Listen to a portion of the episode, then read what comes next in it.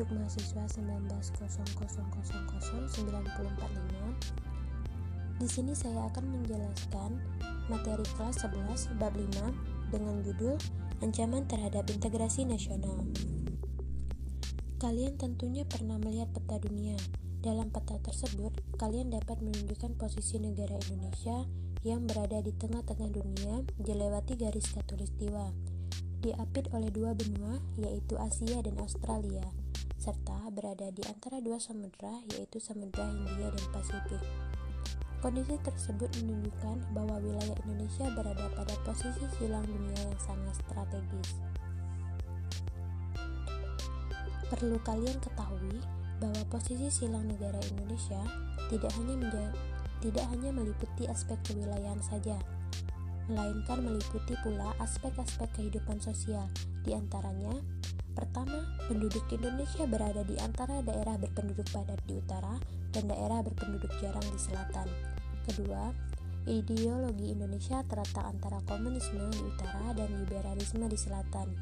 Ketiga, demokrasi Pancasila berada di antara demokrasi rakyat di utara atau Asia daratan bagian utara dan demokrasi liberal di selatan.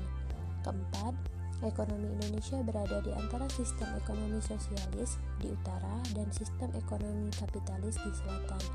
Kelima, masyarakat Indonesia berada di antara masyarakat sosialis di utara dan masyarakat individualis di selatan. Dan yang terakhir adalah kebudayaan Indonesia di antara kebudayaan timur di udara di utara dan kebudayaan barat di selatan.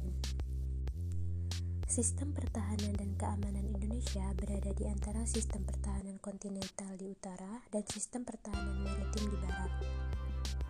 Posisi silang Indonesia sebagaimana diuraikan merupakan sebuah potensi sekaligus ancaman bagi integrasi nasional bangsa Indonesia. Dikatakan sebuah potensi karena akan memberikan dampak positif bagi kemajuan bangsa Indonesia serta akan memperkokoh keberadaan Indonesia sebagai negara yang tidak dapat disepelekan perannya dalam menunjang kemajuan serta terciptanya perdamaian dunia.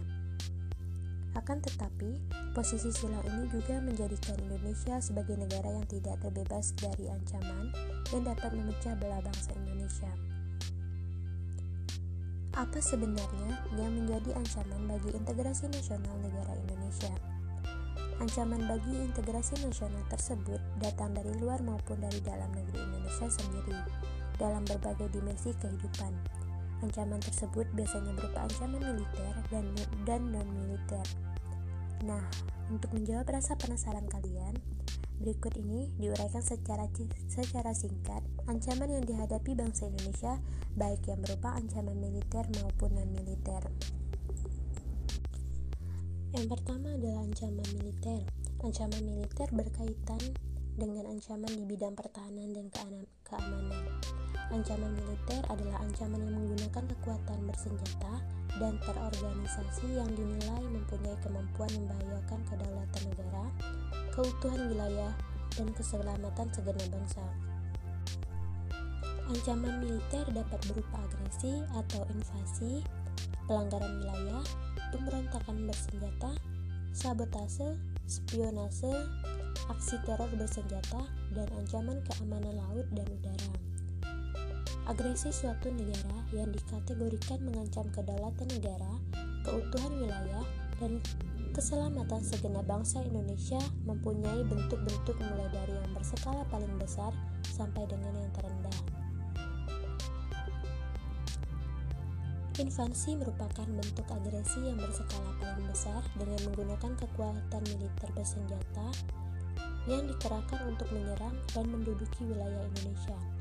Bangsa Indonesia pernah merasakan pahitnya diinvasi atau diserang oleh Belanda yang ingin kembali menjajah Indonesia sebanyak dua kali, yaitu pada tanggal 21 Juli 1947 dan 19 Desember 1948.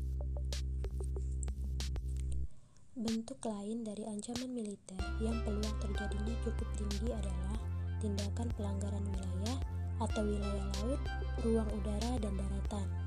Indonesia oleh negara lain Konsekuensi Indonesia yang memiliki wilayah yang sangat luas dan terbuka berpotensi terjadinya pelanggaran wilayah. Ancaman militer dapat pula terjadi dalam bentuk pemberontakan bersenjata. Pada dasarnya merupakan ancaman yang timbul dan dilakukan oleh pihak-pihak tertentu di dalam negeri, tetapi pemberontakan bersenjata tidak jarang disokong oleh kekuatan asing, baik secara terbuka maupun secara tertutup.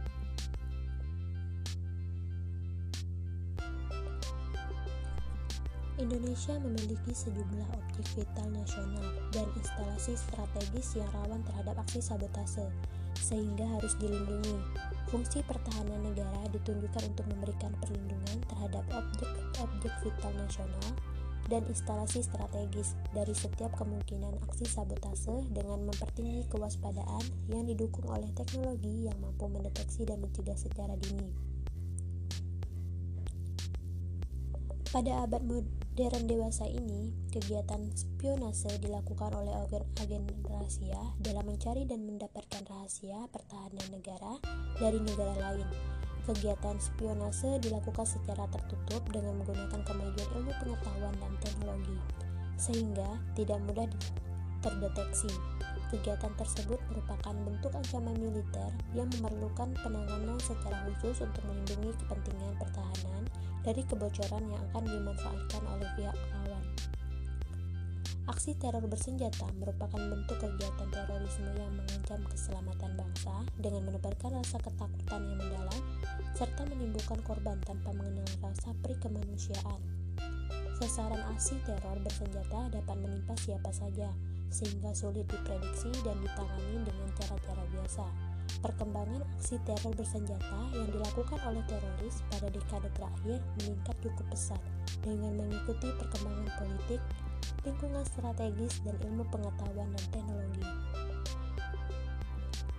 Gangguan keamanan di laut dan udara merupakan bentuk ancaman militer yang mengganggu stabilitas keamanan wilayah nasional Indonesia.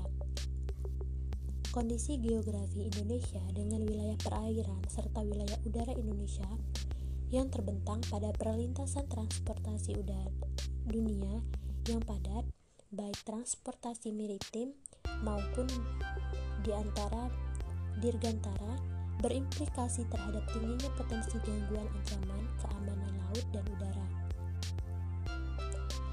Bentuk-bentuk gangguan keamanan di laut dan udara yang mendapat prioritas perhatian dalam penyelenggaraan pertahanan negara meliputi yang pertama, pembajakan atau perampokan. Yang kedua, penyelundupan senjata, amunisi, dan bahan peledak atau bahan lain yang dapat membahayakan keselamatan bangsa. Ketiga, penangkapan ikan ilegal atau penculik atau pencurian kekayaan di laut. Dan yang terakhir adalah pencemaran lingkungan. Selanjutnya adalah ancaman non-militer. Pada hakikatnya, ancaman yang menggunakan faktor-faktor non-militer dinilai mempunyai kemampuan yang membahayakan kedaulatan negara, kepribadian bangsa, keutuhan wilayah negara, dan keselamatan segenap bangsa. Ancaman ini salah satunya disebabkan oleh pengaruh negatif dari globalisasi, globalisasi yang menghilangkan sekat atau batas pergaulan antara bangsa secara disadari ataupun tidak telah memberikan dampak negatif yang kemudian menjadi ancaman bagi keutuhan sebuah negara termasuk Indonesia. Ancaman non-militer di antaranya adalah yang pertama, ancaman di bidang ideologi merupakan suatu ancaman yang dapat mempengaruhi pemikiran atau pandangan masyarakat terhadap ideologi bangsa Indonesia yaitu Pancasila. Selanjutnya, ancaman di bidang politik merupakan suatu ancaman yang dilakukan oleh sekelompok orang atau kelompok sebagai wujud aspirasi terhadap kebijakan pemerintah seperti demonstrasi, dan ancaman dari luar negeri seperti sabotase oleh negara lain dengan tujuan merusak instalasi militer dan objek vital negara. Contoh nyata yaitu adalah demo bunuh diri, demo buruh dari berbagai serikat pekerja di depan Istana Negara dan kantor Balai Kota pada tanggal 1 Desember 2014. Selanjutnya, ancaman di bidang ekonomi merupakan suatu ancaman baik datang dari dalam maupun luar negeri yang dapat mengganggu kegiatan perekonomian sosial. Salah satu kasus ancamannya yaitu penyelundupan barang-barang dari luar negeri yang mengakibatkan menurunnya pendapatan negara. Keempat, ancaman di bidang sosial budaya. Bidang sosial budaya mencakup pendidikan, kesejahteraan sosial, dan kebudayaan. Ancaman terhadap integrasi nasional dalam bidang sosial budaya dipengaruhi oleh beberapa faktor, bergantung pada sumber ancaman tersebut. Ancaman yang berasal dari dalam dipengaruhi oleh beberapa hal, seperti adanya kesenjangan sosial dan keberagaman suku, agama, serta budaya. Faktor penyebab ancaman yang berasal dari luar negeri salah satunya adalah pengaruh globalisasi.